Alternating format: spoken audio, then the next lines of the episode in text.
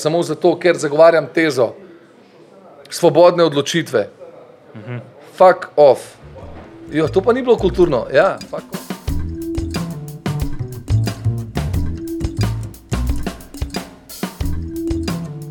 Ja, vesel sem, da smo se dobili. Ja. Lej, Ja, Marko, tudi mi. sp- spa- Spadali je še bolj, kot smo si lahko predstavljali. tako Da. Pa tudi dobro bo ven, da imate skozi malo drugo. Veš. Ja, Se, zdaj smo že na parih lokacijah. No, Ja, vse ja. zakon, vse mogoče ste lahko tudi potem znani. a Veš. ja ne, ker na začetku smo že vedno pri nas snemali, ne? studio pa imamo v dolgih nivah, to pa je tako malo izven Maribora. Ja, Ne? in pa tako zaplet, kakšnem. Ja. Po pa, veš, na začetku je še šlo, veš, kaj tako malo folk bolj lokalno bilo, ne, pa neki, Mhm. da je Žan Serčiš ti pridi, ne, tam čez zraven, pa to, po pa, pa je neki folk še iz Ljubljane prišel, zdaj pa je vedno bolj, veš, vedno več folka, kot smo dali skozi neki gostov, ne, vedno bolje to, da, Ja. ne veš. Folk ceni svoj čas, ne pa ni za glih vsakemu, za en podcast se pripeljati. Ja, ne, se, Ja, dolgem problem je imel, recimo, jaz, ki sem sebe gledal, meni je bilo samo že zaradi tega, ker sem jaz bil v Mariboru za vikend. Mhm, ja, to tako si rekel. In to mi je bilo poluno, fuck, razumeš, da je bilo dve stvari od enkrat naredili, bi zmagali. Vi pa takrat vikend niste imeli freja, veš. Ja, ja. Jaz pa nisem pa hotel uno dialog, pač ni. Ja, ni. ja. Ne, vse smo se super, super smo se zmenili. Odkot si priletel? Spozvala. Aha, direkt, ja. Kdo si športaš? Škaj, športam zadnje čase, praktično odkar sem se posvetil praktično samo glasbi. Uh -huh. Prej, ko sem imel še redno službo, govorimo o redni službi, se pravi 10-11 let, samo uradnik, kar sem delal, plus vse ostalo, uh, sem pa čist bil zapostavil šport, ker sem se fokusiral bil samo na službo in ustvarjanje, uh -huh.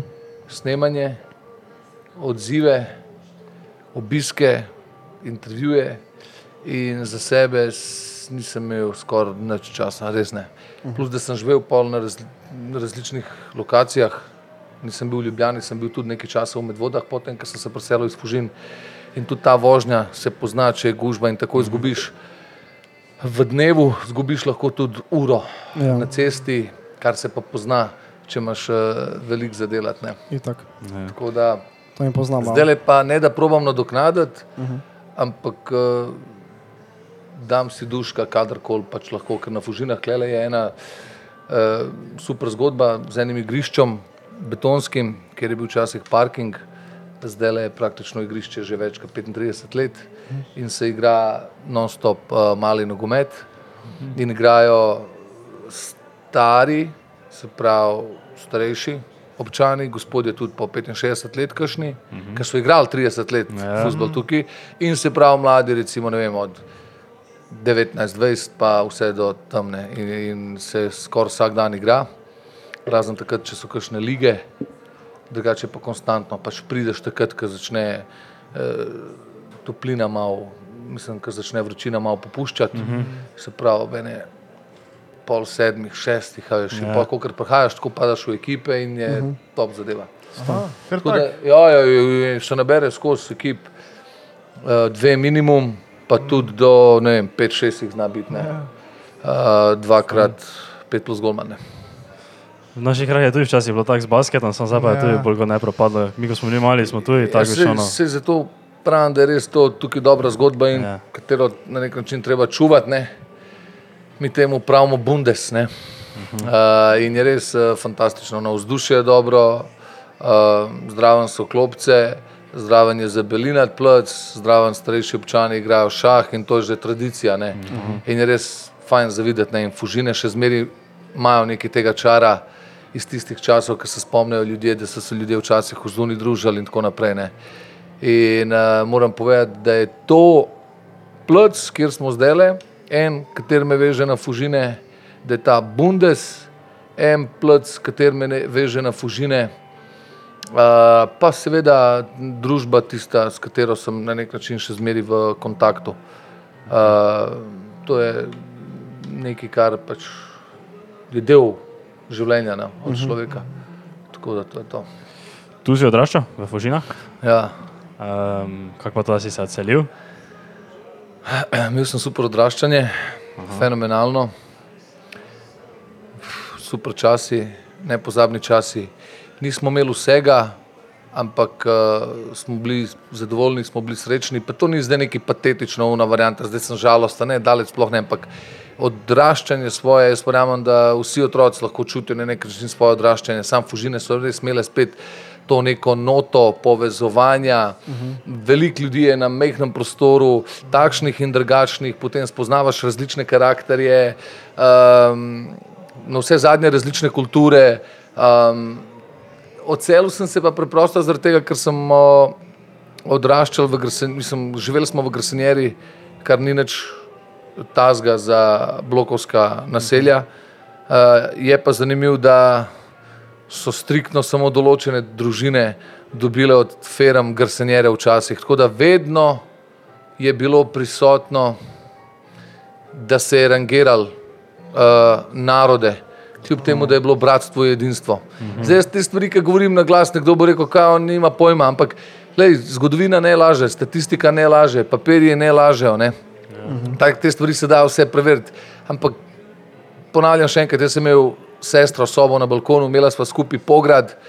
Um, jaz sem čez okno pogledal, jaz sem sam videl zeleno travo, futbal, bejzbol, košarko, vse živo. Mi smo bili več na ulici, kot doma praktično. Jaz rečem v enem komadu, velik sem bil pred blokom, imeli smo malo stanovanja. Ne.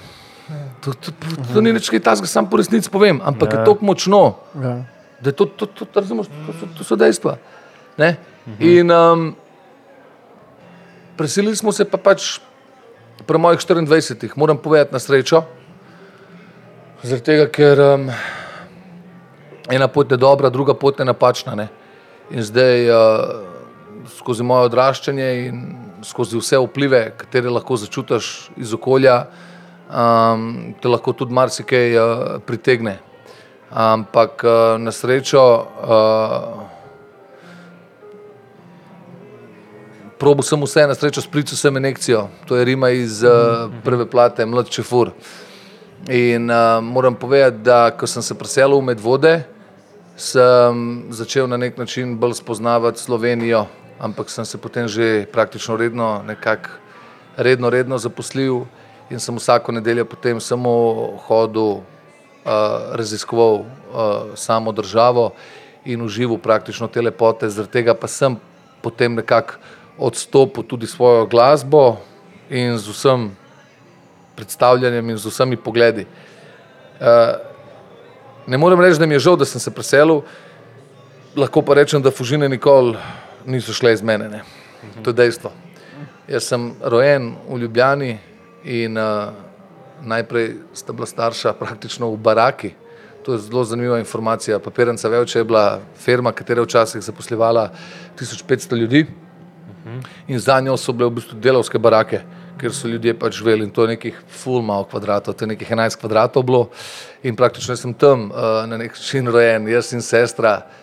Um, takrat so bili vrci dosti dragi, sorry, kam malo več govorim, samo zdaj ste me odpeljali tako s takim vprašanjem, tako daleč nazaj da je škoda, da ne povem. Mhm, valda, uh, uh, in takrat so bili vrci, že takrat so bili vrci dragi. Ja.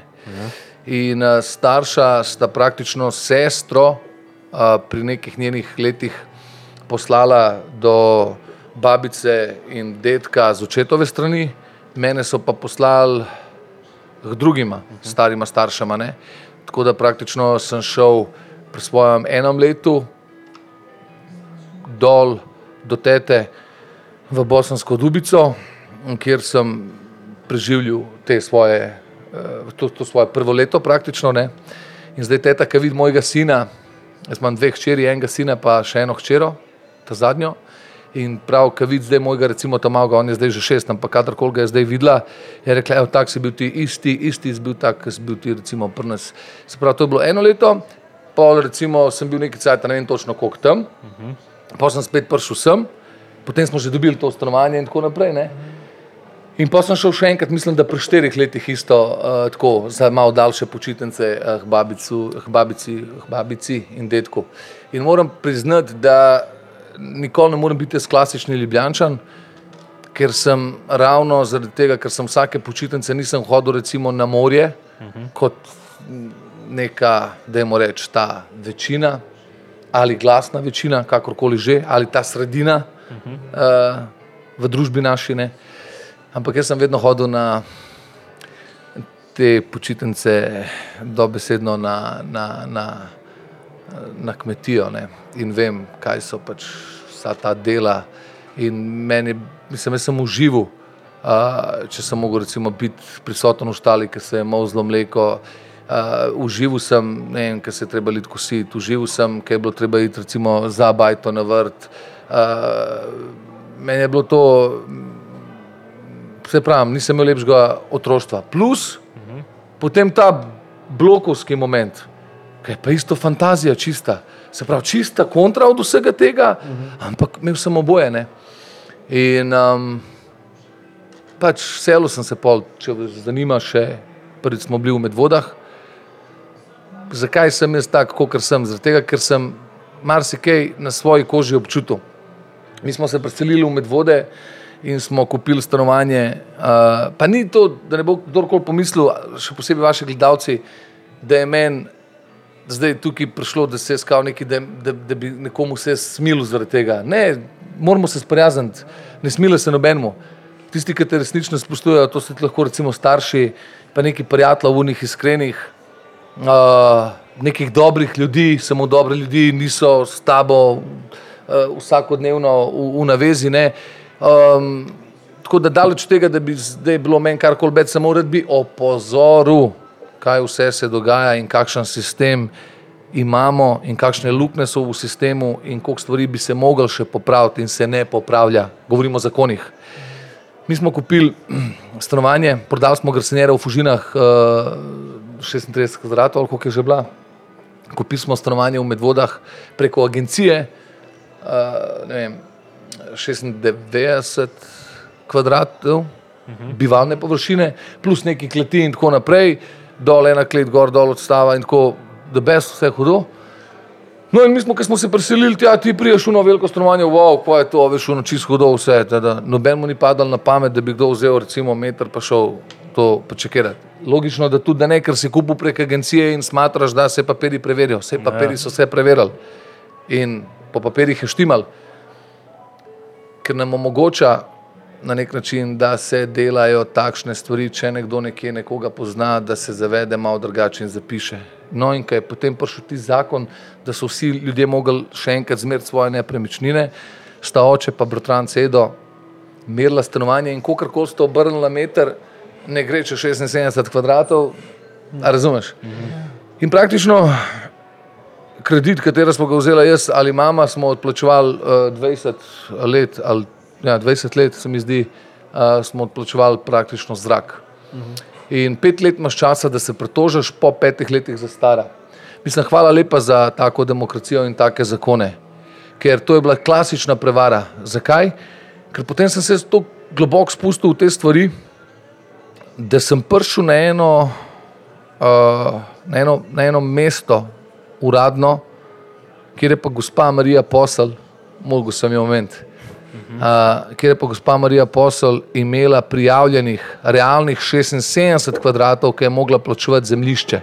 Uh -huh. Tako da je ona vedela, kaj počne in kaj dela. Skratka, to je samo tako zanimiva zgodba, da se lahko vsi vprašamo, ali v kakšnem svetu se prav hočemo živeti. Ali je to dobro, je to zdaj slabo, da jaz na nekoga eh, na kratek rok obrnem, prevaram. Eh, pre, pre, prevarim. Ne. E, na srečo smo mi takoj pač kvadrate te vrnili v realnost, uh, ker uh, definitivno ne bi mogli na nek način s tem živeti. Potem sem bil med vodah štiri leta, štiri leta, pet let nekaj tasga, potem sem se preselil, ker sem dobil svojo prvo hčero v Črnuče. V Črnučah sem bil nekih dve leti, tam sem bil v stanovanju od države, profitna najemnina, samo zato, ker so rekli, da se bo dalo odkupiti. Po dveh letih, ki sem bil tam, noben več ne govori, dobim še eno punčko na srečo. Uh, in je bila situacija taka, da bi bilo dobro, da gremo v malo večje stanovanje. In en prijatelj Marko je šel iz enega stanovanja ven, jaz sem šel kasneje noter v to stanovanje, uh, v Šiški, sem živel pa Plečnikovi crkvi. Mislim, sam, če bi vam zdaj govoril, Tuk teh zgodbic, okoli teh stanovanj bi rabil, po mojem, en tak podcast, samo da se zmenimo, recimo, nepremičnine. Zakaj to govorim? Jaz imam ta svoj stanovanjski problem rešen. Jaz to zdaj samo govorim zaradi mladih, ker mi res ni vse za njih. Ja. Morajo se zavedati svojih pravic, morajo se zavedati ustave, da je ustavi garantirano, da država omogoča svojim državljanom streho nad glavo. In vaša pravica mladih je, da to iščete. Se pravi, da če imate čas za vse, kar koli vam paše, si vzemite čas tudi za tisto, kar je najbolj pomemben, se pravi za svojo prihodnost. Ok, kapo dol tistim, ki rečejo, jaz ne bom rabil tega, jaz bom sam ustvaril, le respekt, kapo dol. Ampak uh, iz Črnuč v Šiško, v Šiški sem bil nekih dve leti, potem iz uh, Šiške sem se vrnil nazaj na Fužine, to pod Golovcem, to je zelo blizu, samo čez Ljubljanco. Uh, to je bilo eno super obdobje, to se je kar zamenjalo nekaj let vmes, medtem sem doživel tudi eno tako močno izgorelost. In ta golovc, ki je bil zdraven, je bila ena taka oaza miru, kjer sem praktično naredil iz bloka dva, tri koraka in sem um, kasneje uh, pač prišel tja v ta mer in sem lahko recimo bil sam s sabo in sem se vsak dan recimo lahko sprehajal. Uh, in to se je vse to dogajalo Šiška, ta bizovik, ne, to je v bistvu pod Golovcem, ne, se reče, v bistvu ne bizovik, Hrušovska cesta, je bizovik je še dol bolj južno. Ne. In um, smo imeli tudi tam eno tako zelo zanimivo zgodbo, ampak uh, se pravim, to bi raj mogoče pustil za kdaj drugi, če vas bo zanimalo, ker verjamem, da imate kakšna druga vprašanja, drugače so ful zanimive zgodbe. Ja. In uh, kasneje sem se iz tam preselil, sem bil dve leti, sem se preselil še v eno stanovanje niže, isto na Hruševski, ker sem mislil, da bom bil nekaj časa, saj ne, uh, ker v tem trenutno je bila vlaga, taka vlaga, da smo na nek način pomagali, vsi imeli posledice zaradi njene, čeprav kao naj ne bilo vlage, ampak pa kasneje, ko smo živeli noter, smo videli, da je bilo ono res, res grozen. In uh, sem se preselil pol tja v full dražji najem in tako naprej. Ampak na srečo nismo bili noter niti dva meseca uh, in smo kasneje pol dobili praktično od Mola, uh, so me poklicali, da je naše stanovanje na nek način, da so nam našli stanovanje. In jaz v tistem momentu, ker sem se selil že tokrat in sem se glih pred kratkim preselil v novo stanovanje, nisem se mogel niti toliko veseliti tega, ker sem se jaz odselil iz enega fleta, vse preselil tja, zmenil se pogodbe, podpisal in tako naprej, plus da mi je bilo žal pol, ker sem se boril za to stanovanje, da ga Ja. ja. dobim, da bom zdaj mogel poklicati in reči, gospa, meni je zelo žal. Ampak to je pač del življenja, in kasneje uh, smo se zdaj preselili v nove arše, zdaj sem v novih aršah, to je pa pri BTC-u. Ja. Ja. Če boste vedeli, se pravi, tukaj so nove fužine, je ta založka, uh, je BTC. bila. Ja, Ja. in tam zdaj ležim. Tako da je pa podobna sosedska, samo da je verjetno malo manj ljudi, stopnice so recimo malo nižje, je pa zelo podobna zgodba, energija in vse. Ne. Nice. So fužine m, ljubljanski geto. Škaj sem, nažalost, moram biti iskren. Fužine so imele v nekem svojem času, v 90-ih, to, to je bilo res filmsko, no, to si ne moremo predstavljati. To je bilo zelo veliko otrok zunaj, ne otrok, zdaj govorimo že o, o, o zrelih moških, pripravljenih moških, ki niso delali nič drugega, kot da so trenirali in dobro jedli in dobro zgledali Treniral kaj. trenirali vse. Od, od boksa, gimnastike, futbola, tekvandoja, karateja, boksa, karateja, tekvandoja, ne? Vse. Kickbox, evo za nami tukaj vidite, da imate uh, Fight Club. Gepard Fight Club Ja. in tukaj lahko, kadarkoli boš prišel, verjetno bojo lučke gorele in sem vesel, da obstaja toliko uh, možnosti danes za te otroke, da lahko trenirajo. Se pravi, fužine so bile najbližji približek getu, kot ga poznamo iz filmov. Moram priznati, da v momentu, ko se je zgodila ta agresija, sam razpad, med razpadom Jugoslavije, je ogromno tudi eh, beguncev prišlo v Slovenijo in potem so ta koncentracija ljudi, mladih se je tudi povečala in tako naprej. In um, bilo je kar vroče. In potem so, po moje, sto travcev začeli malo umerjati uh, te moške hormone uh -huh. in to energijo. Vroče v kakšnem smislu. Mene kaj, samo- tepli so se ali kaj. Ne samo tepli, pač tisto, kar vidiš v filmih, si lahko videl tudi tle. Da, da, da, da po najkrajši, se pravi, uh, možni poti, da ti obrazložim. Jaz nisem rabo hoditi v gledališče, jaz nisem rabo gledati ameriških filmov, čeprav sem pogledal nekih par teh reperskih kao unofor, ampak ti nekaj povem. Ta kombinacija fužincev vseh narodnosti, v kjerkoli hočeš geto jih dej, Ne. naši getovci se ne bodo ustrašili. Getovcev, kjer jih koli. Pa je lahko to Južna Amerika ali pa kamorkoli hočeš. Se pravi, govorimo o teh fantih, ki so imeli srce, ki so imeli srce na pravem recimo, mestu. In um, to mi je bilo zmer fascinantno, da nikoli nisem rabo posnemati ameriških reperjev. Danes vidim, da je to spet ponovno full v modi in da se je full razpasal. Uh -huh.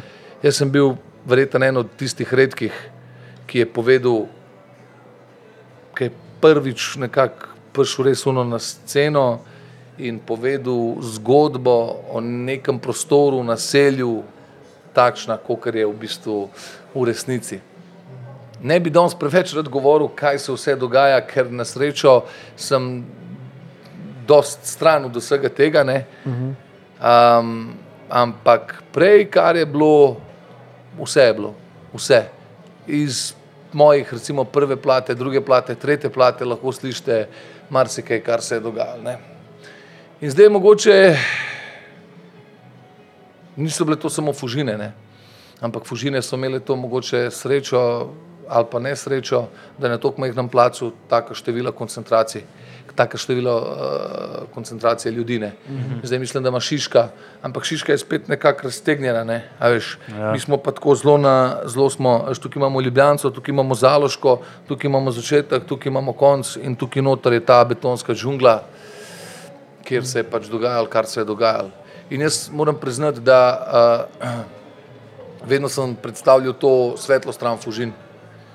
Govoril sem jaz s spoštovanjem do vsega, kar koli se je že dogajalo, ampak vedno sem nagovarjal svoje poslušalce oziroma probo predstaviti Fužine v dobri luči in to sem delal celo svojo kariero. Um, včasih se mi zdi, da ko je prišla ta amerikanizacija, da smo mi rabili na nek način svoj Brooklyn, Bronx, sam zato, da se lahko nekako približamo tudi temu smislu, ne, američanom in tako naprej. In jaz sem vedno bil um, ne kontra temu, ampak sem imel vedno željo, da povem tudi to svetlo stran, ki je tudi zelo lepa, zelo dobra. Fužine so dale kar nekaj reprezentantov za basket, futbal, rokomet, Oto Pesner v končni fazi je iz Fužin, uh, upam, da je Oto zdaj dober. Imel je eno pred kratkim, mm, mislim, da je bil, v Rogaški, ja, ja, je bil v bolnici, mislim, zdaj, da je že v zuniji in da je v redu. Ah, tako da ja, ma, m, eh, dost smo imeli. Uh, Koliko pa si se ti lahko tako poistovetil z to tem getom? Kaj si bil tak veliki del tega ali si bil bolj opazovalec? Ne opazovalec. Veš Kaj, to se ti zelo pri mladih letih začne. Uh -huh. Ali si ali nisi. Ne? In pri nas je imel vsak blok svojo zgodbo. Ne? Vsak vhod v bloku ima svojega getovca. Uh -huh. Tako, tako rečeno. ne. Veliko blokov je, veliko zgodb. Meni je sam žal, ker uh, še kakšen film ni več posnet o fužinah. Če Furi Raus imamo posnet, sam se mi zdi, da včasih pokaže malo bolj tako nas kot neke primitivce in ne vem kaj. V bistvu pa to je daleč od resnice. Fužinci niti malo niso primitivci. Fužinci so isto tako ljudje, mladi fanti, katerim je treba včasih samo malo pokazati, mogoče pot, dati mogoče možnost. Dve opcije stane. Ko dobiš otroka za vzgajati, ali ga lahko pozitivno vzgajaš in mu daš neko upanje, motivacijo, ali pa enostavno dvigneš roko od njega in rečeš, on je hiperaktiven, dajte mu tablete, dajte mu neki, dajte mu untret. Ne moreš vzgajati vseh ljudi um, z enakimi metodami, ne, ne gre. Ja. In um, ne glede na kar koli, tej priložnosti lahko rečem samo evo, še enkrat, uh, naj počivajo vsi v miru, kateri so zapustili ta prostor predčasno in bilo je kar nekaj ljudi. Bil sem, nažalost, zdaj sem že v teh letih, da sem bil že na kar dostih pogrebih in um, to je življenje. Rojstvo, smrt, včasih presenet, ja, se tako včasih dobesedno naježam, ampak to je resnica. Ne? In jaz, da, se pravim, zavedno bom imel fužine v srcu, nikoli niso šle niti ven iz mene, ravno zaradi tega sem tako direkten, kot sem, ker vem, kako je, ko starši delajo za neke slabe plače. In vem, kako je, ko se gospodje v kravatah pretvarjajo, da jim je mar za te ljudi, v bistvu jim ni. In vem, kako je, kar rečejo, vse kaj, pač to je tako, no, za njih je en drobiš tam ne? in te brca in te poriva vedno v neko obrobje. In potem se čudijo, ker se slučajno šest hije najde skupaj ne? in napade v centru potem nekoga. Ja, primitivci. Ti si celo življenje praktično, razumeš, uno, pljuvo po teh ljudeh, možnosti jim nisi dajal enake in tako naprej. Ampak ne govorim zdaj, da je to pravilno, da se vrača potem situacija in da, ker mi, mi si ne smemo zatiskati oči. Pač. Uh, jaz sem se prej pogovarjal, slišal ste verjetno s mojim prijateljem Mirsadom, da sem slišal, da danes ljudje dajo za dela 10 evrov na uro, kelnerjem. Ja. Ali pa tudi 12, nekdo tudi 15. Pa jaz sem rekel, če bi jaz zdaj bil star 22 let, jaz bi delal z nasmehom do šest, šest dni na teden, od zjutraj do kadarkoli je treba, ampak vem, da bi na koncu meseca, ki bi prišel 15. rekel, da sem zaslužil toliko denarja, da je to neverjetno. Mhm. Da ne govorimo o napitnini. Ker napitnina je pa spet nekaj drugega, ker mi moramo razumeti, ogromno turistov je v Ljubljani, ogromno turistov je v Sloveniji, včasih v mojih časih tega ni bilo. Ne? Ti, če si hodil videti, ne vem, Španko, si mogel iti v Španijo. Ne? Ja. Danes Španija in Južna Amerika in vse iz celega sveta pride v Ljubljano, ne? ali pa pride v ne vem, Maribor, na Bled, Koper, karkoli. In sem presenečen, da ljudje pravijo, da ne morejo dobiti za delati. Ne? Tukaj pa pač nimam pardona. Ne? Ja. To je dobra urna postavka. Jaz bi se grebil za njo. Jaz, ko sem začel delati, moja prva urna postavka je bila recimo v McDonald'su, zdaj, ko gledaš brat bratu, da se ne lažemo, 500 torev, če se ne motim, 600, nekaj tazga so bile, to je 2 evra pa pol. Pa pol. Zdaj imaš pa 10 Ja. ali pa 15, pa jaz bi grizu. Ja, samo zdaj so se mladi so se malo razvadili. Nima pos- nič proti, pazi, da ne bo pomote. Ja, Sam ne jamra, da ni za delati. ja, ja itak, To itak. je to. Sam ta razlika je. Se pravi, za delati je, Ja. Če jamraš, da nimaš denarja, greš lahko delati. Če nočeš delati, ne jamrati. A unka jamra, pa da noče delati, bež od njega. Trikrat mu povej, friend, pej z mano delati, evo, ti bom pomagal gor dol. Če noče, bež od njega na kilometr, ali bo on tebe potegnil dol, Ja, ti boš njega težje gor potegnil. Probaš lahko. A, vsak mu je treba dati možnost. Ne? Tako da ponavljam še enkrat, uh, to sem vedno zagovarjal, to tezo. Uh, jaz bi užival, res. Ob tej urni postavki mene še danes ne bi bilo iti stran delati kamorkoli za ta denar. Fantje moji, 10 ur na dan, po 10 evrov, je to 100 evrov. To je 100 evrov. 24 dni, da delaš v mesecu, je to 2400 evrov. To je 2400. Kje je napitnina? Ti si gospod, pa še pravčijo pa mamici. Pa še ne plačuješ ničesar, samo štek, klap, klap, klap. Vlagaš lahko v vse. Stari, noro, res, čudni časi. Se pravi, uh, ja, kot mlad sem že lahko videl in Marsikaj. imel vse na razpolago. Ampak zanimivo je to, da v Lifeu nisem imel težav s policijo.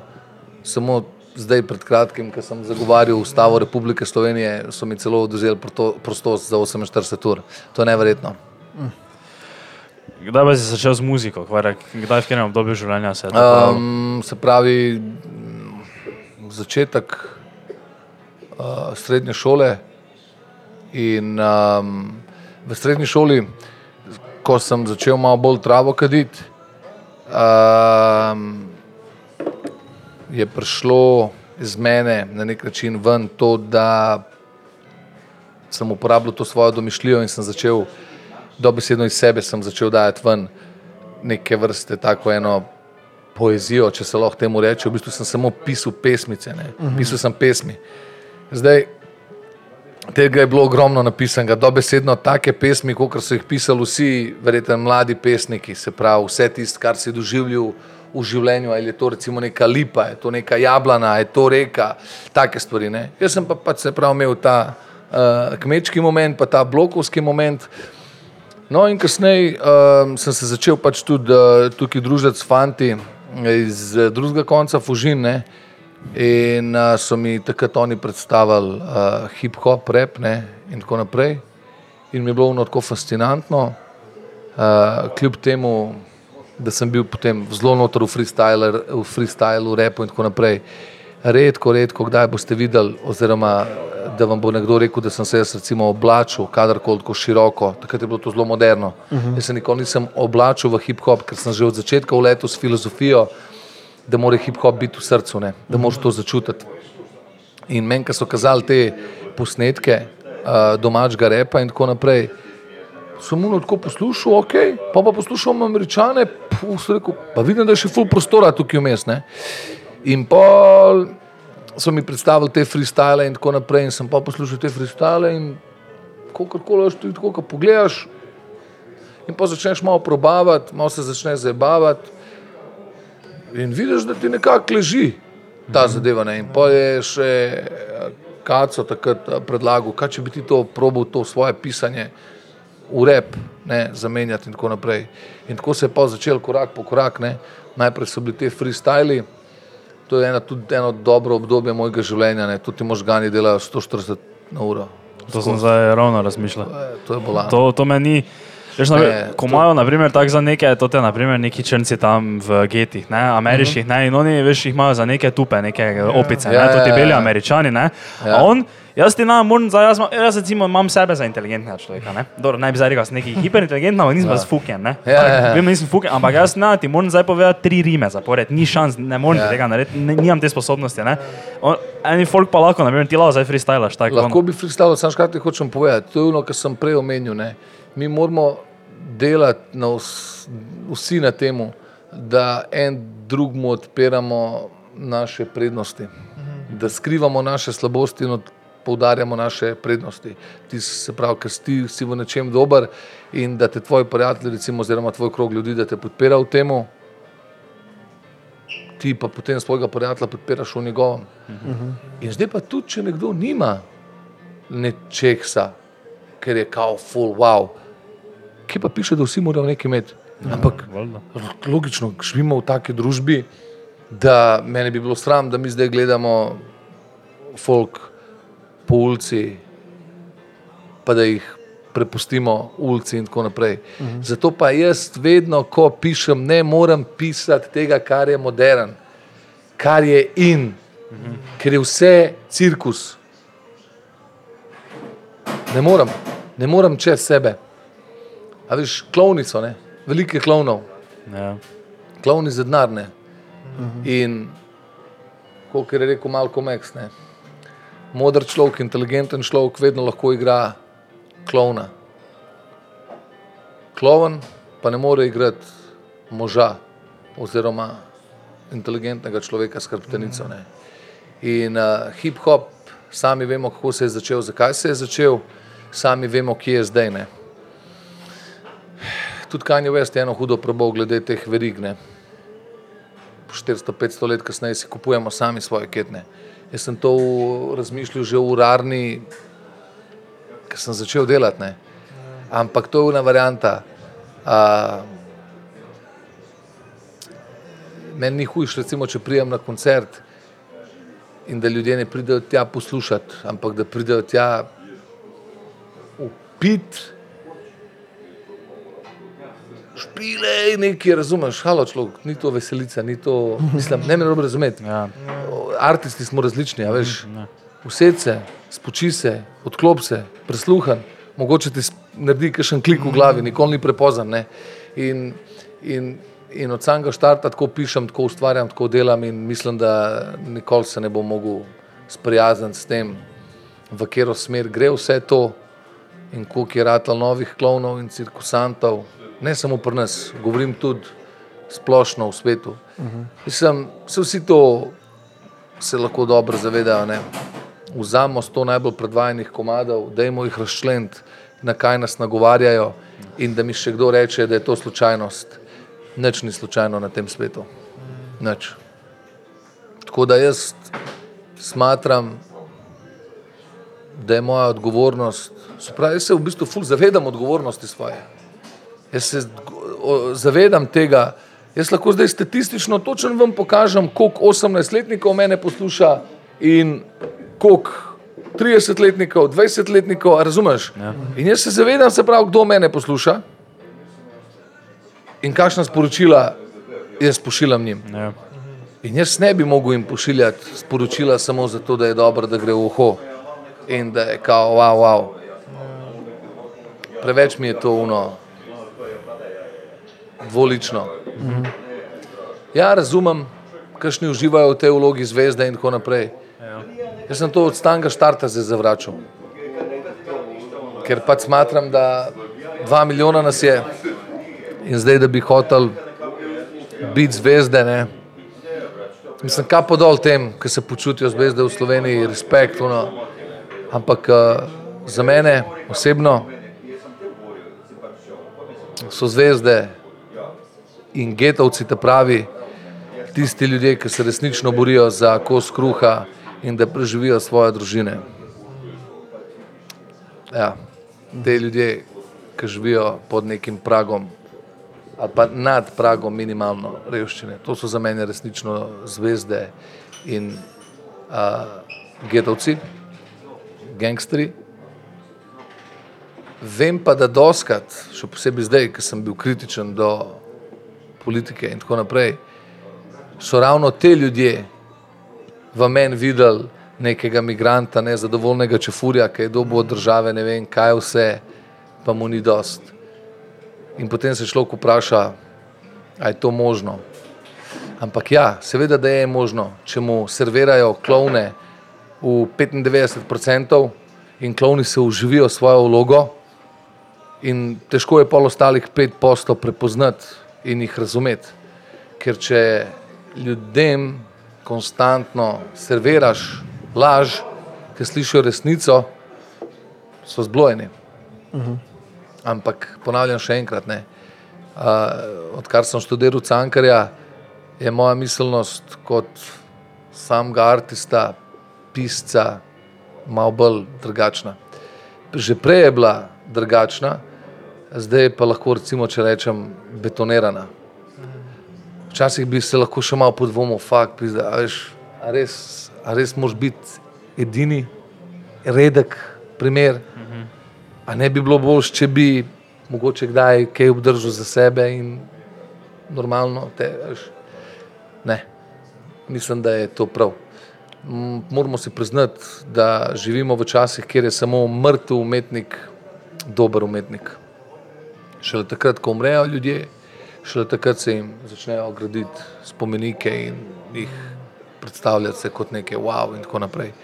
Za časa njihovega življenja so pa pač, eh, kaj pravijo, uh, paraziti na državnih pipah ali kako že. Tako da,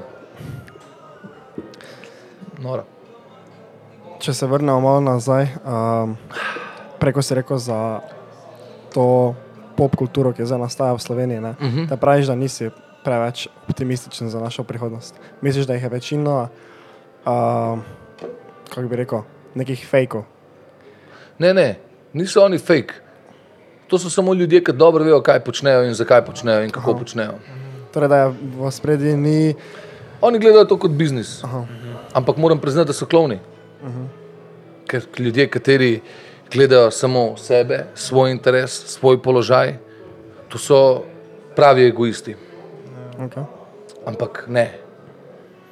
Takrat, ko se bo nekdo pojavil, ki si bo upal kaj povedati, ki se bo upal kaj vprašati, on išče pozornost in on ima probleme in težave, recimo z egom in tako naprej.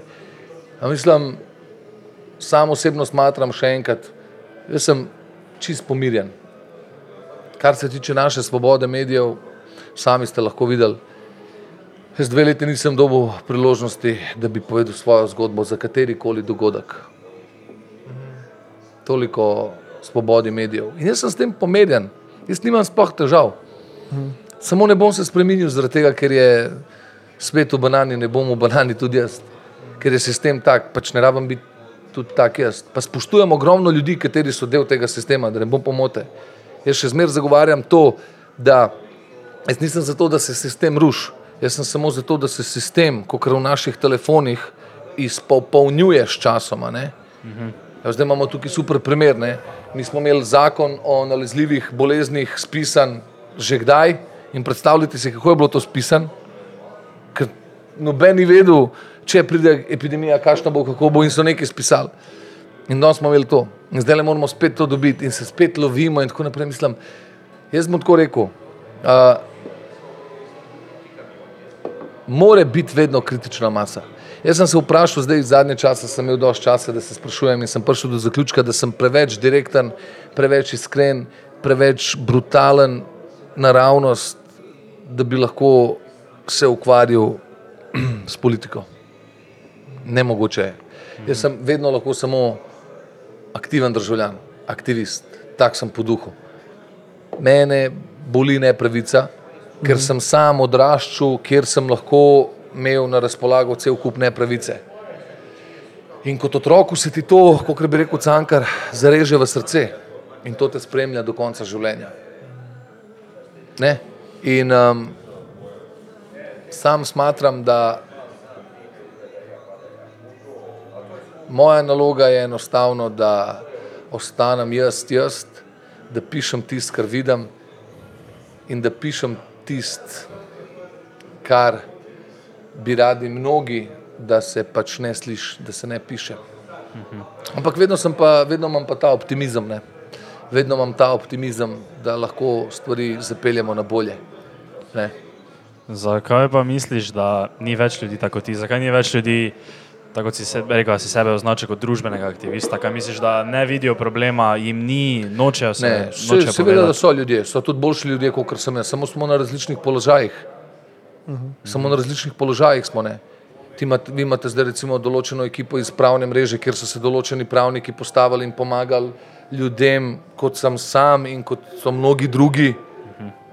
so bili pripravljeni svetovati v teh fazah in tako naprej. Določeni ljudje to delamo malo bolj javno, določeni ljudje to delajo mogoče malo bolj iz ozadja, določeni ljudje ne bi prenesli takih pritiskov in se niti ne želijo potem izpostavljati, kar jih tudi moramo razumeti, uh, ker ste videli, kaj se lahko zgodi. Ampak v končni fazi um, življenje je prekratko, da bi, ogla, da bi obračal glavo stran, ker vidimo, da se kaj slabega dogaja. Življenje je prekratko, da bi gledali samo na sebe. Življenje je prekratko, da bi bilo bi bolano, da bi vsi imeli samo kot merilo uspeha uh, denar. To je bolano. Až, ampak jaz danes vidim, jaz spremljam vsa socialna mreža ravno zaradi tega, da vidim, kam pa staco moline. Ampak moramo vedeti, socialna mreža niso v svet. Ne tega nikoli pozabiti. Nekdo bo mislil, jaz imam na Facebooku to, ja, brat, pač, ampak niso vsi na Facebooku. Ne. Jaz imam na TikToku, ja niso vsi na TikToku. Ne? Socialno mrežo so nek svet, pojem sam zase. Ne? Imamo pa potem še cel kup drugega sveta, uh, ki pa pač normalno živi svoje življenje in, in um, tako naprej. Pa kaj te jaz vem, kako bi vi rekel, ne? Katem. Katem. Ne, lej, uh, težko je biti trezen, trezen v tem času. Veš. Ne? Trezen v tem svetu biti in spremljati vse, kar se dogaja. Ljudje hitro rečejo, da je premaknjen ta kanal, da ugasem to, da to me ne zanima. Star jaz pa ne, mene pa zanima. Ne? Mene pa zanima, ker sem pol. -huh predzadovoljen, da sem rojen tukaj, kjer sem rojen. Ne? Ampak ne bom pa klasičen belc, ki bo rekel, da je prav, da smo šli v Ameriko, pobili ne vem koliko indijancev, da smo šli v Avstralijo, pobili ne vem koliko indijancev in pol dan se predstavljali kot neka rešitev, demokracija in tako naprej, kao full sistem, uno pošten. In... Ne, to pa ne stari. Ne morem. Tukaj je enih stvari in ponavljam še enkrat, ne, socialna mreža ima svoje pluse in minuse, tako kot jih imamo v življenju. In potem je samo odvisno, kam te pelje algoritem. Ne. Zdaj, če spremljaš zanimive stvari, lahko tudi prek socialnih omrežij izpopolniš sebe v boljšo osebo. Lahko greš pa sam. Ja. Samo če smo realni, zelo malo ljudi spremlja zanimive ljudi, pa to, kar bi mogli spremljati na socialnih omrežjih. Ponavljam še enkrat, o tem, o tem to vedno izkoristim in povem. Ljudje imajo na razpolago svoje življenje. Dokler ne škodujejo ostalim, meni vse en, kaj počnejo s svojim življenjem. Sočustvujem pa z njimi pol, ki jim je težko. Ne bom rekel, sam si si kriv, ampak bom rekel, stvar je, ni panike, da je v redu. Zajebali smo vsi, daj. Daj probi zdaj tako, spremen način.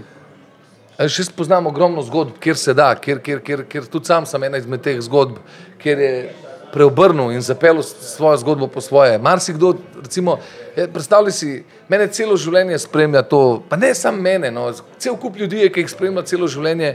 Uh, da te nekdo samo predalčka nekam. Jaz sem prvi za to, kar bi rekel, da ne te me že predalčkati. A sem se jaz zberal, očeta pa imamo, nisem. A sem se jaz zberal konc, kjer se bom rodil, nisem. A sem jaz imel možnost, da se zberemo, bom jaz bil črn, jaz bi bil raj črn v tem svetu, kot bil. To je čista resnica. Zakaj? Zaradi tega, ker vidim, kaj delamo na svetu, mi, belci, -huh. se imamo za nekako superiorne, ne? koliko škode smo naredili. Pa ne, ne morem reči, da sem zdaj jaz tak, ne? jaz sem lahko samo zdaj kot nek primer, da smo lahko recimo boljši. Sam to so spet ful, ful, ful globoke in um, močne, močne, močne teme. Res. Se pravi, hočem povedati, da koža barve sploh ni pomembna. Noben od nas ni imel možnosti, da se zbira, kaj bo postal, kje bo, razen, ker se rodiš in rasteš v kjerem koli okolju, je pa dosta odvisno od tebe, kam se boš obrnil. Ne? In na srečo, jaz sem se boril skozi svoje življenje in sem se na nek način izboril. Res, da je bila pot, ni bila sploh enostavna. Ljudje mislijo, da je to tako, ampak ni. Mine hitro življenje. Ne? In pa, kaj zdaj, ko pogledam, recimo, kako hitro to vse skupaj mine, se samo nasmejim in si rečem, so vse kul cool, stari. Mm. Ne glede na kar koli. Zdaj so časi, Zdaj so časi te pokoronski, kjer so vsi vnoha, hu, hu, hu, kjer je normalno, da se nastopa in ne vem kaj. Jaz zdaj ne vem, če sem imel nekih par nastopov, glitko neki v Izi. Na srečo sem imel enega na Ljubljanskem gradu, enega me je klical ta tam. Pa tudi, če ne bi imel nobenega, pa jaz bi to sprejel in bi rekel, ok, to je ta cena, kjer se plača, če si pač iskren. To je ta cena, kjer plačaš, če si človek. Ampak sem ponosen na to in mi sploh ni žal. Ampak smatram, da je dobro, da obstajajo posamezniki, kot sem sam, da se upajo postavljati vprašanja. Ker to imamo tudi zapisano v ustavi, da nam ne smejo prepovedati razmišljati. Ti meni lahko zdaj, vi meni lahko zdaj rečete, vi tri lahko meni zdaj rečete, karkoli. Ampak ne morete mi omejiti moje pravice, da jaz podvomam v to vi morate dvomiti v karkoli, tudi karkoli vam jaz rečem, vaša pravica je, da dvomite, ali je to tako ali to ni tako. Če ti jaz rečem, zberi si družbo, s katero boš uh, presperiral v življenju, zberi si družbo, da te bo pelala na ta pravo pot, da boš boljši človek postal, da boš ne vem, imel nek, nek, nek tempo svojega life, da boš lahko rastel. Lahko pa zbereš kontra družbo, ampak jaz bi ti predlagal, zberi si to družbo, ker pazi, samo vprašanje je časa, če jaz delam slabe stvari v življenju, nekdo drug pa dobre. In če se ti začneš z mano družiti, obstajata dve poti. Da jaz ratam kot ti, ali pa da ti rataš kot jaz. Ampak vsi vemo, da hudičeva igra je privlačna. In prej boš ti rado kot ta poreden fant, kot da bo šel po težji poti, ki bo morda dlje časa trajala, ampak je ful sladka. Sladki so rezultati, plodovi so čudoviti. In jaz moram priznati, da bi vsem svetoval, je 10 evrov na uro, se vihi rokave, deli dve leti, ušteki denar, ulož denar v kar koli hočeš početi. stari išč, sanji. Kaj sanjaš? Sanjal sem, da bi lahko to, probi to, ne gre to, probi nekaj drugega. Sam premiki se, sam ne biti na mestu. Uh -huh. Sam to je fora. Einsteinova teorija, ne, se poznate. Življenje je kot vožnja s kolesom, moramo poganjati, da bi obdržali ravnotežje. To je, to je vsa umetnost. Kaj si skozi celo svojo kariero tako razmišljal, ali si bil kdaj v takem obdobju, ko pa si razmišljal, da bi se mogoče malo bolj prodal ali pa delo stvari, da bi mogoče postal malo Ni bolj bilo, mainstream? ni bilo potrebe pri meni po tem. Ni bilo potrebe, ker pri meni se je tako začel, da, da je bil ta zlatko moment. In, in je bilo tako dobro, da je bilo tudi to tako hudo. Aha, dovolj mainstream. Ja, da, da enostavno je rado, točno to stari. Ja. Ja, Točno to.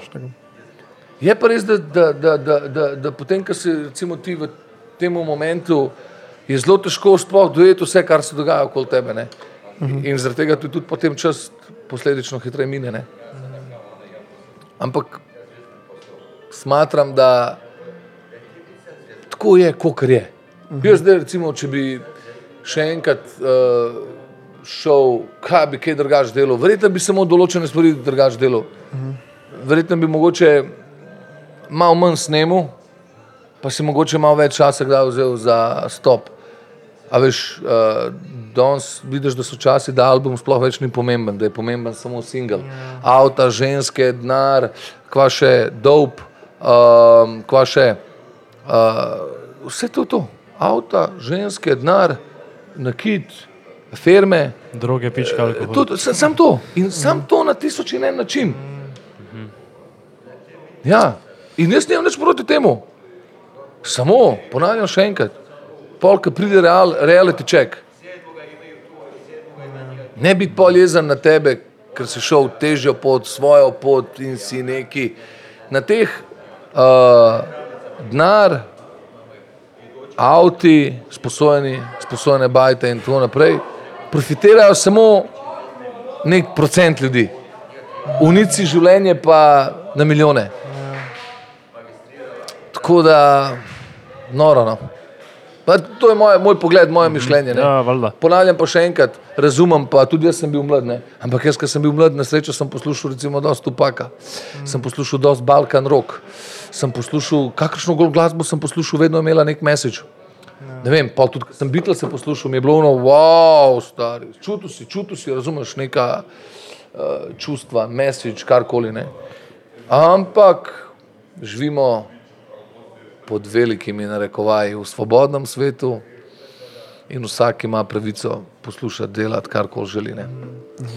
Zdaj drugače kaj novega ustvarjaš? Vedno nekaj. Ja. Mm. Julian Mak je bila moja enajsta plata v duhu Ivana Cankarja. Smatral sem, da bo to zadnja plata. sem hotel narediti še po izgorelosti, kot neki, kao, to je to, hvala lepa. Ja. Zdaj bom pa lahko recimo samo malo nastopil in tako naprej. Ne? Ampak se je ful dobro naredil, ful sem ponosen, zdaj v četrtek uh, imam nekaj snemanje uh, enega spota, oziroma mogoče celo bomo še enega drugega isto začeli. Uh, neke projekte imam, uh, ne bi jih sploh tukaj rad omenil, uh, zaradi tega, ker sem opazil, da je boš mogoče, da folk samo preseneti, uh -huh. da jim samo pleske talaš. Se pravi, ne pozabiti, fante, kaj je rekel Al Capone, ne, uh, ne zamenjati moje dobrote uh, z mojo naivnostjo. Jaz sem lahko dober, kot kruh, ne? in probam biti do vseh dober, kot kruh. Ne? In potem imaš skozi te male hijence, male hijence, ki na trenutek pomislijo, da bi pa oni lahko neki, ne? ampak ti vedno moraš se uno držati nazaj in se reči, da, da je v bogi, bogi, bogi stroj in je nor. In um, skozi celotno to situacijo sem se zdaj le odločil. Um, mnogi so lahko zadovoljni, da sem potem dve leti porabil za proteste. Uh, posledično sem kasneje naredil še Svoboda plato, album, samo zato, ker nisem mogel dobiti nikjer možnosti za govora. In na koncu edin, kar mi je ostal, kuli in papir. In sem to posnel, sem pisal, kaj neumen, Emilijo mi je poslal en bit. In jaz sem na tisti en bit pisal, ki zmešan, in pa sem rekel, Emilijo, imamo problem. Zdaj pa rabim še štiri take bite. In pa je on, zdaj vidite, Emilijo. Ja, ja, najboljši, the best. No, in pa je on v zelo kratkem času poskrbel za ta nek New Age, malo bolj moment, meni je to brutalna plata, res. Žal mi je, folka, ki niso poslušali uh, Svoboda plate, ampak na srečo material ta ostane in bodo lahko tudi kasneje poslušali, enkrat, ko spoznajo, da uh, vsi te sposojeni avti in vse te uh, sposojene hiše, da, da tam ni praktično sreče in tako naprej. In na srečo smo uspeli nekako spet v tako kratkem času, sem jaz to mogel dati gor na te bite njegove iz sebe, zraven sta je še komat Svoboda, ki je bil absoluten zmagovalec. Ne vem, kdaj, če ga je kdorkoli slišal na radiju, ampak virtualno je šel tako naprej, kar hartne. Tako da tukaj še en dokaz, da ne rabiš delati samo to, kar je modern, da bi se recimo slišal. Po drugi strani pa um, tudi jaz uživam, če delam malo bolj pozitivno muziko včasih. Veš, tudi jaz pogrešam sebe, uh, da pišem o lepih stvareh, ker sem sposoben napisati, opisati situacijo, neko, nek moment zelo prijetno, da potem lahko se nekdo na drugem koncu Slovenije ful lepo počuti zaradi tega komada. Ne? In pa si rečem, kakšni so lahko res srečni, da nisem kloven. Ne? Ker kadarkoli jaz uh, dvignem glas in postavljam pametna vprašanja, uh, se nekomu razjasne, če me razumete, kaj hočem povedati. In zdaj sem se pa odločil, da ni povlačenja. Um, par ljudi je dal neke predloge, ki se vlečejo že ne vem, 70 let. Zdaj bomo pa videli v bližnji prihodnosti, kaj se bo zgodilo, ampak najprej bi rad res posnel še par spotov, ker imam cel kup enih komadov. Opazili ste verjetno, da komad, ki pride s potom ven, dobi malo več neke pozornosti in tako naprej. In imam, imam par komadov iz Julijana Maka, katere še, za katere želim posneti še video.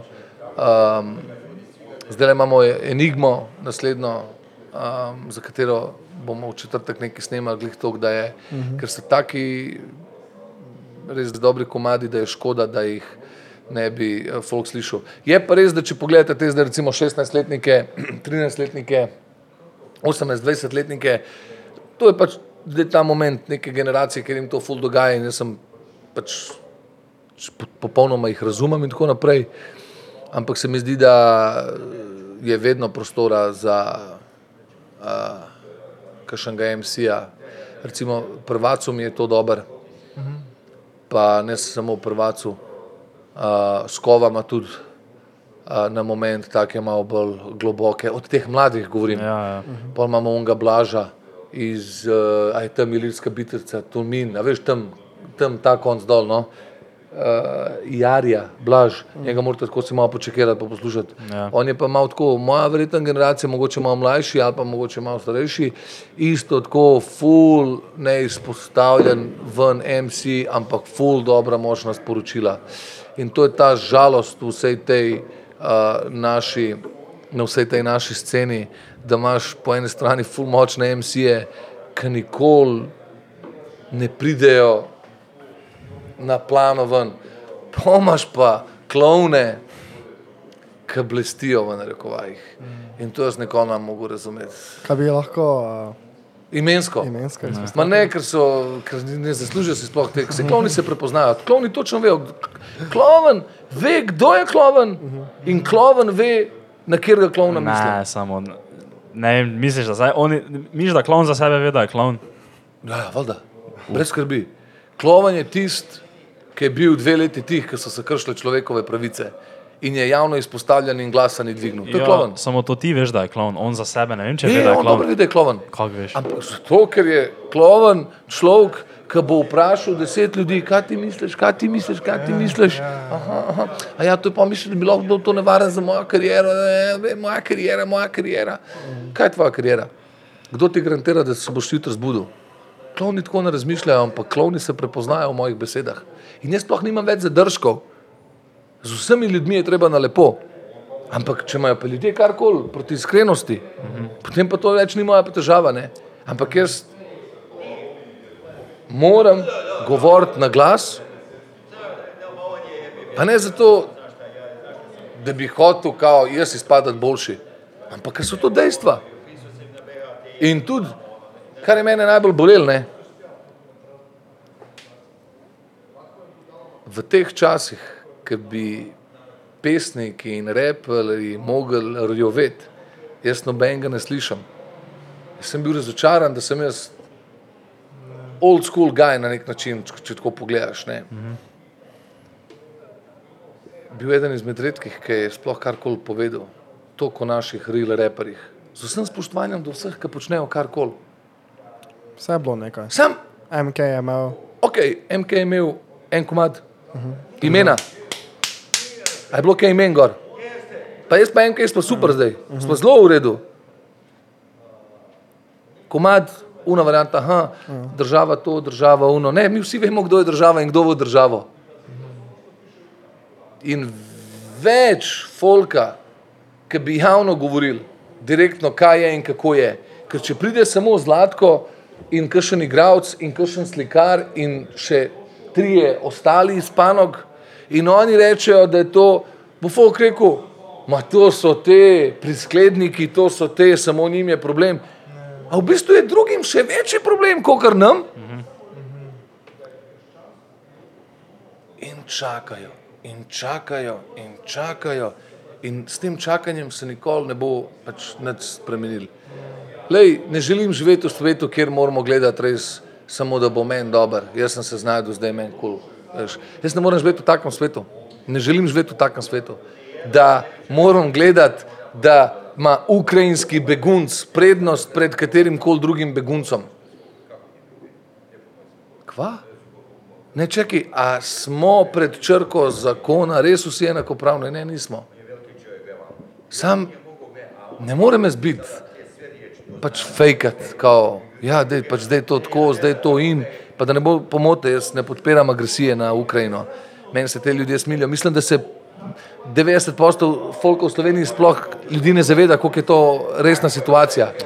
Vsi vejo samo iz novic, kaj se dogaja, ampak ljudje si ne znajo predstavljati, da je to 40 milijonov ljudi v državi tej, če ne še več, če se ne motim. Ne vem zdaj točno, koliko je prebivalcev, pozabil sem. Ampak da je 20 milijonov, je to ogromno, njih je 40 milijonov, njih je izseljenih že ne vem 6,5 milijonov. To so tri Slovenije. O čemu se mi pogovarjamo? Ampak ne, se kul, cool, zdaj je, da izkoristimo še dva meseca, pa pa spet kaj, demo nazaj maske, demo razkožila, se se nič ni zgodilo, kaj češ brati, ko je, zdrž brati, se bo še mal. Ne me narobe razumeti, stari, nimam nič proti nikomor, ampak smatram, da bi poeti mogli poznati svojo nalogo in določeni jo poznajo samo posledično, jo no, je ne želijo um, početi z vsem svojim znanjem, zato ker se zavedajo posledic. Zelo enostavno, pika. To je to. Vsi se zavedajo posledic. A, da ne, si videl, kaj se je zgodilo z Zlatkom. In kaj zdaj? A je Zlatko živ? Je. A Zlatko tukaj manjka? Ne. V čem je problem? Torej misliš, da bi kulturniki mogli biti malo Ne bolj... samo kulturniki, stari. Kdorkoli se ne, kdorkoli vidi, da je kaj narobe, bi mogel to povedati. Pa ne, da bi hejtu. Ena stvar, ki je zelo pomembna. Jaz nikoli nisem protestiral proti državi. Tudi tisti mindset. Kaj se dogaja z ljudmi, ki začnejo postavljati pametna vprašanja? Pametna vprašanja. Njih hočejo pokazati kot problem. V bistvu je pa problem čist nekje druge. Ne? Ampak ponavljam še enkrat, življenje prehiter mine, da bi se mogel nekaj kao skrivati, paziti, dokazovati komorkoli drugemu. Jaz nisem to počel zaradi ljudi. V prvi fazi jaz to nisem počel zaradi ljudi. V prvi fazi sem jaz to počel zato, ker sem človek. V prvi fazi sem to počel zato, ker je to prav. V prvi fazi sem to počel zato, ker imam srce. V prvi fazi sem to počel zato, ker imam otroke. V prvi fazi sem to počel zato, ker je to ljudsko, etično, moralno, odgovorno, državotvorno, kako koli hočete. Meni je to res uno, jaz, jaz ne dojemam. Jaz ne dojemam, da se lahko sprijaznaš. Pa, pazi, to moraš vedeti, a veš. Koliko folka, veš, zakaj se ljudje nočejo izpostavljati? Ker ti kadarkoli se izpostaviš, Barcelona ali Real Madrid, posledično zgubiš neki folk, a on je za Bar- Barco. Olimpija, Maribor, a on je za Maribor. Črno, belo, a ne. Ampak je tukaj vprašanje. Jaz se ne postavljam primer na nobeno stran, ampak bom vedno zagovarjal um, svojo tezo, vedno bom zagovarjal, kar se mi zdi nekako ono, pač ljudsko. Vedno bom, govarjal, živ- vedno bom zagovarjal življenje. Razumeš, to vse, kar, jaz, kar se zdaj mi pogovarjamo, to vse je smisel življenja. A Veš, in ponavljam še enkrat, smejim se in ja, lahko rečem, uno, dobesedno priješ do nekega zaključka. Kaj ti je lepš, klovni ali ti je lepš hlapci? Meni je isto. Sami naj si odločijo, kje od teketo in paše. Sam ne mi glumiti zvezde. Ker noben, redko, koga, naš zdaj trenutno zvezdnik, recimo lahko rečemo kdo? Luka Dončić. Luka Dončić. A ne, ja. on je res zvezda. Ja. Koga imamo še? Goran. Dragič. Evo. On je tudi kapa. Koga imamo še od teh močnih športnikov? Skakalci, kaki. Skakalci, kakšni, pa še to je tako. Anže Skakalci so že, evo, oh, kolesar. Primož E, Roglič. oni so ti že kako lahko razumeš uno zvezde, razumeš uno tako. Ampak eno je biti zvezda in biti del tega teatra, a se zavedate vi tega teatra, kruha in iger. A je nam zdaj bilo vsem jasno, da nam lahko ugasnejo teater. Konc, motaj kablove, ne gremo se več noč, kaj, kaj se dogaja, pauza, noben ne bo več delal, mi smo tako rekli. Ja, kdo pa ste vi? In noben ne ve, kdo so, ampak oni so nam zaustavili svet. In to, fantje moji, je že zdavnaj bilo izrečeno, kruha in iger. To je to. Jaz ne sledim, jaz, ob, jaz eh, občudujem poteze športnikov, občudujem lepe slike, občudujem momente. Zdaj sem hodil, recimo, na, na neki čas sem hodil skozi na predstave. V unem momentu, ko sem mogel hoditi na predstavo z uno masko gor, pa nikoli nisem šel. Se mi je zmučil, se mi je zagabal, ker tam je neka kulturna ustanova, kjer bi mogla biti normalno uno, rjovet bi mogla po kritiki, po temu fašizmu, kar se je dogajalo. Da je potrp, razkuž, maskice gor. A me razumeš? Če te lahko zdaj čist direktno vprašam, ne? Ja. Si omenil maske, razkožila, pa to torej sklepam, da nisi zadovoljen s tem, kako je država izpeljala to korono, pa to krizo. Ne, Ali kako ne, bi rekel? zadovoljen, ampak pazi, če tebe maska zaščiti, Ja. pač ne, ti ja. si zaščiten. Če se ti cepaš in tvoje cepivo tebe zaščiti, zakaj siliti nekoga drugega, če se noče? Fant moj, mi se moramo zavedati, da mi nismo nikoli sploh imeli drugega, ampak ne bi sploh pokvaril nam podcasta s to tezo, ker vsi vemo, ljudje so se že odločili. Zdaj se samo določeni, recimo, marsikdo se zdaj še zbuja.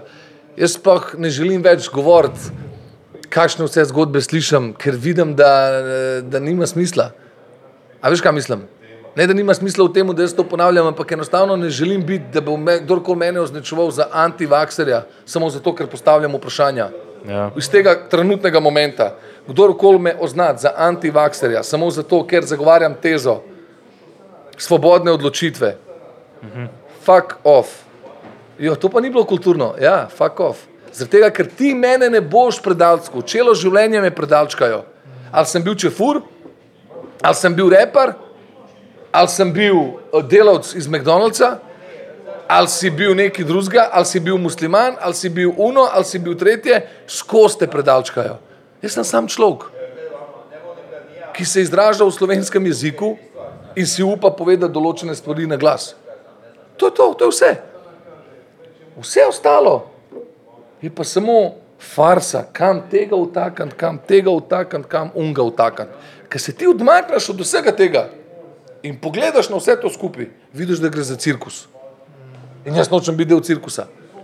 A veš, kaj mislim? Tako na, na, na po domač uh, povedan. Drugač pa, um, res nimam nič proti. Moji starši so sprejeli to cepivo. Ja.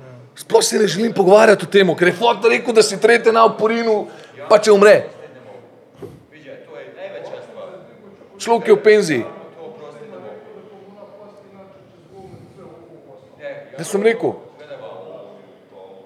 vsak naj se odloči zase. Ni prisile v nič. Ja. V nič ne sme biti prisile. Niti v to, da Samo to nosiš masko. Ne, jaz, meni je vseeno, stari. Tako realno gledano, um, spoštujem ljudi, ki se zaščitijo. Res spoštujem, nimam nič proti. Ja. E, Uno, tako, ko vidim, kakšnega, da nos masko, zdaj, ker nos masko, ne bom rekel, le, da je debil nos masko. Ne, če se on tako počuti, če se on dobro počuti, naj dela človek, kar hoče. A veš, kaj mislim? Sam ne ti pol na druge prenašati svoje slabe volje. Isto je slabo voljo, ker je nekdo nadrkan in slabe volje.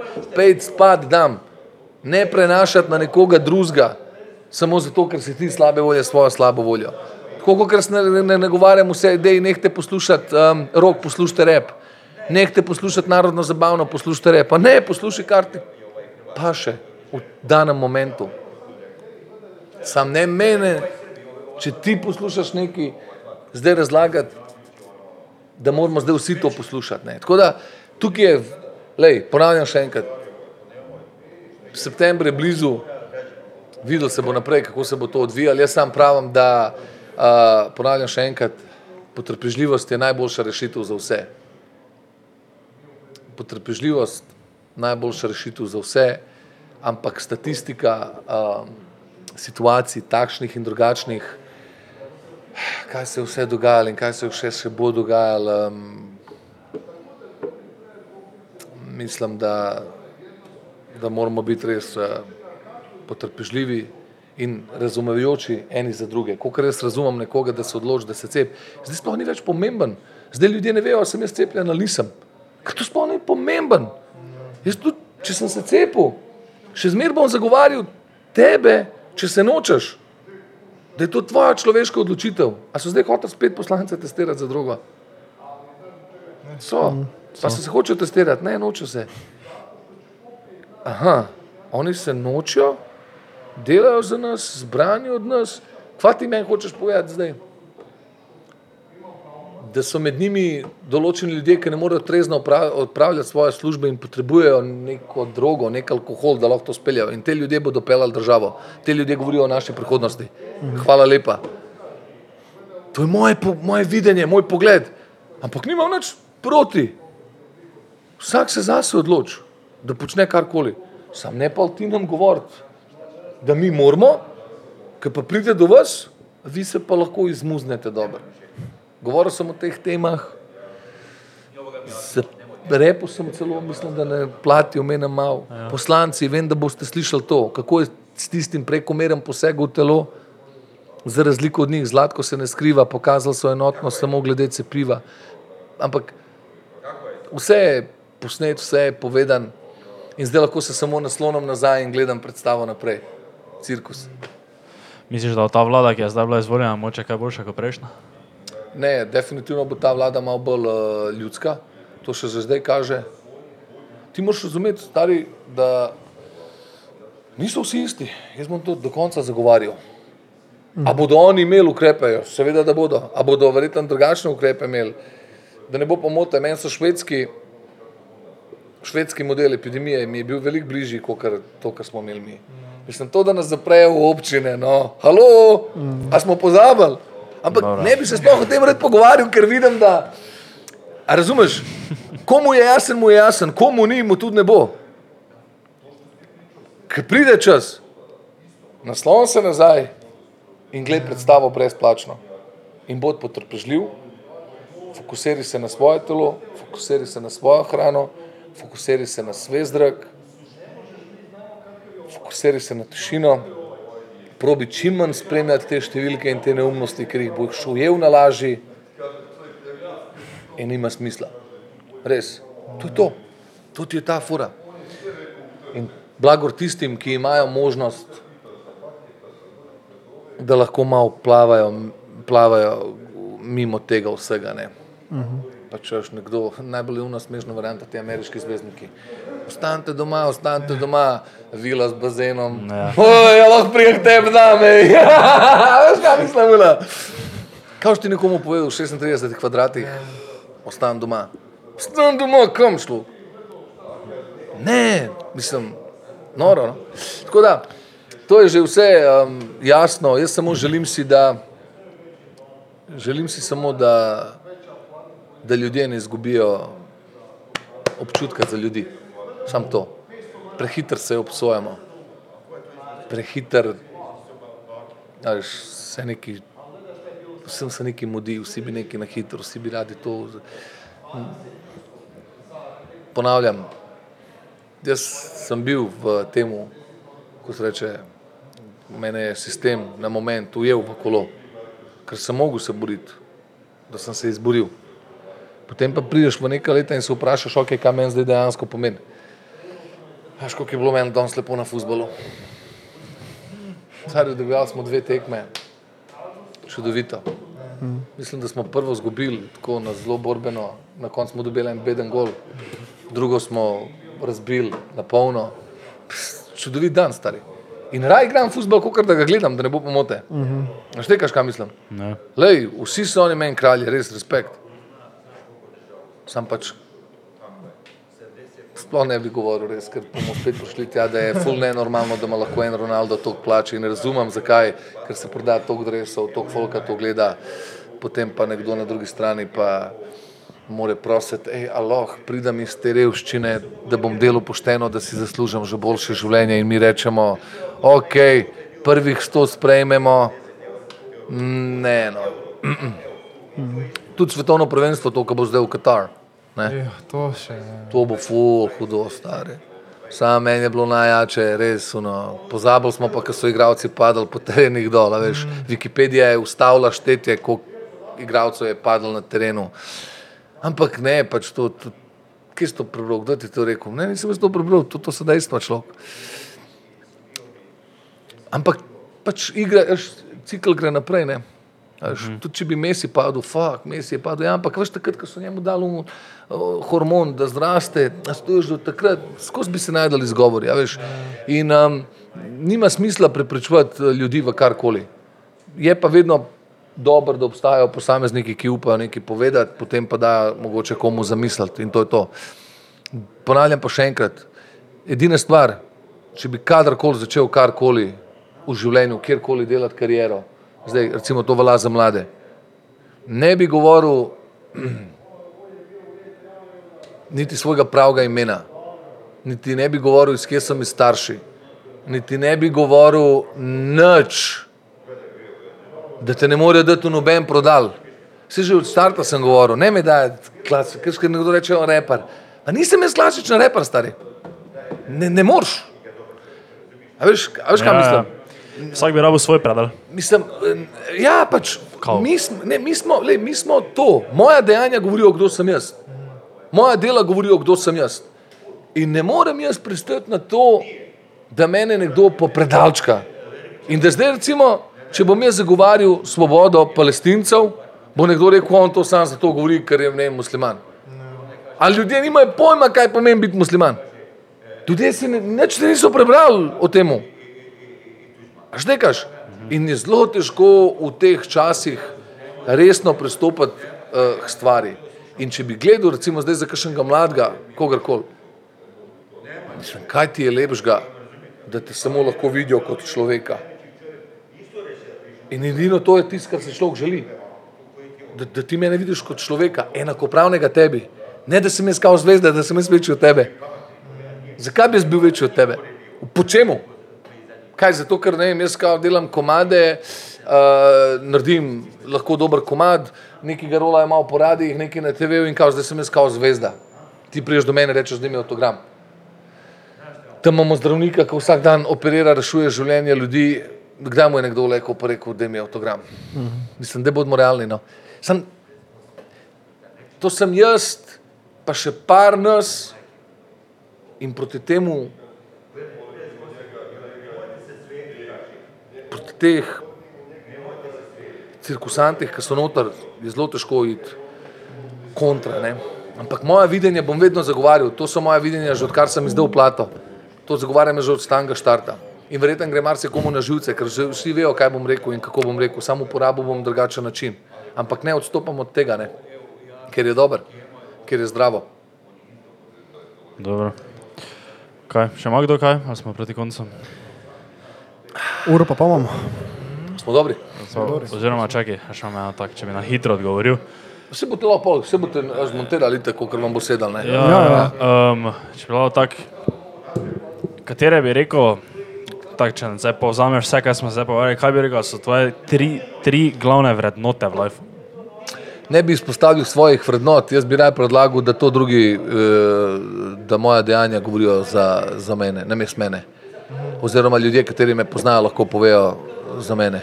Jaz sam ne bi rad izpostavljal nobenih svojih vrednot. Um, definitivno edina taka je, je res dobra, ne potrpežljivost. A veš, to je nekaj najlepšega. Nekaj najlepšega, da si potrpežljiv Dobro. v vseh momentih. Super, kaj? To je to, fanta. To bi še samo. Uh, videl sem, da si bil na albumu od Masaja. Uh -huh. Si bil, ne? Uh -huh. Kako ti je recimo stvarjati s takimi uh, mladimi? A, škaj, Masajo že nekaj časa poznam, uh -huh. pa drila isto, valjda ne, z drilom imam ite komade, komad že od uh, prej.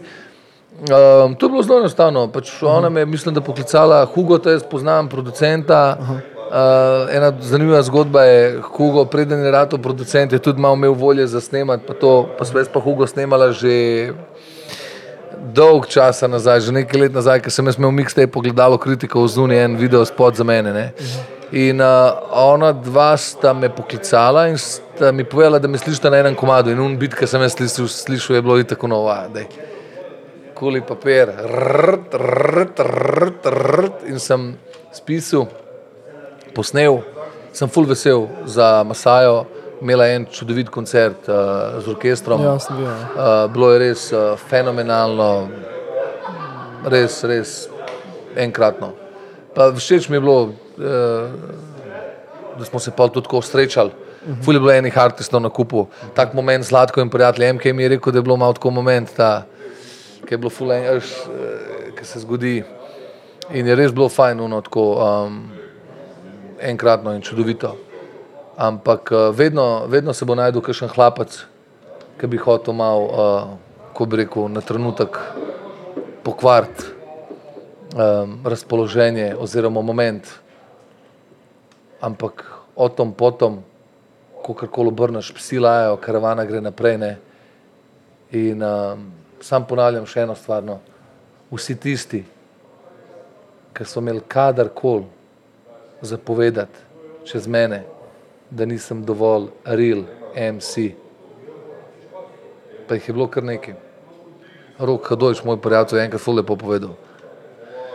Vsi, ki jim je nekaj ratalo tako v Sloveniji glede repa, so imeli malo hejta. Mal. Sam, kolikor sem ga imel pa jaz, ne, je bilo pa res ono tako wow. Sam to je samo še en dokaz, da sem neki delal, da sem govoril stvari, da sem šel v globine, v katere se drugi niso želeli uh, recimo spuščati. Ne. Po drugi strani pa ponavljam še enkrat, raj sem samo zlatko, samo potnik, princ Fužinc, človek v prvi fazi, sam svoj, Julian Mak. Ampak sem ponosen, da sem govoril takrat, ko so mnogi, mnogi, real, real, real raperji molčali. Mi žal, pa ne vsi. Se pravi, kakšni so šli malo na tako površinsko, ampak tako zelo, zelo, zelo malo. Domačo nalogo svojo sem opravil že pred leti. To zdaj, zadnje dve leti, kar je bilo, je bil no tako gratis, bonus, ker ne morem iz svoje kože. A veš, ne morem. Ampak v končni fazi, ponavljam še enkrat, ljudje smo si različni, predvsem vsem želim v bližnji prihodnosti veliko potrpežljivosti, predvsem zdravja, vse ostalo bomo pa sami. To resno mislim. To je osnova. Zdravje, potrpežljivost, 10 evrov na uro, da poberam kozarce, postrežem folk, še na pitnino poberem. Kam lahko pridem? kaj češ lepšega? Res brez heca, ne? Resno mislim. Ja, nič, a zažal, na tem zdaj zaključimo. Jaz mislim, da je dobro zaključen. Odlično. Fantje, Odlično. Hvala, ker ste uh, Hvala prišli tebi. do mojega prijatelja v Čevabžinico. res, ja. hvala za prostor. Ja, Mirso, Čevabžinica, Bosna, veš, tukaj Bosna, je moj če- prostor. Mirso je moj prijatelj, drugač uh, starejši možakar, ampak se zelo, zelo dolgo poznava in se zelo rada pogovarjava in družba. In to je en moment, kot sem že prej omenil, da me prevleče nazaj v Fužine in to je to. To.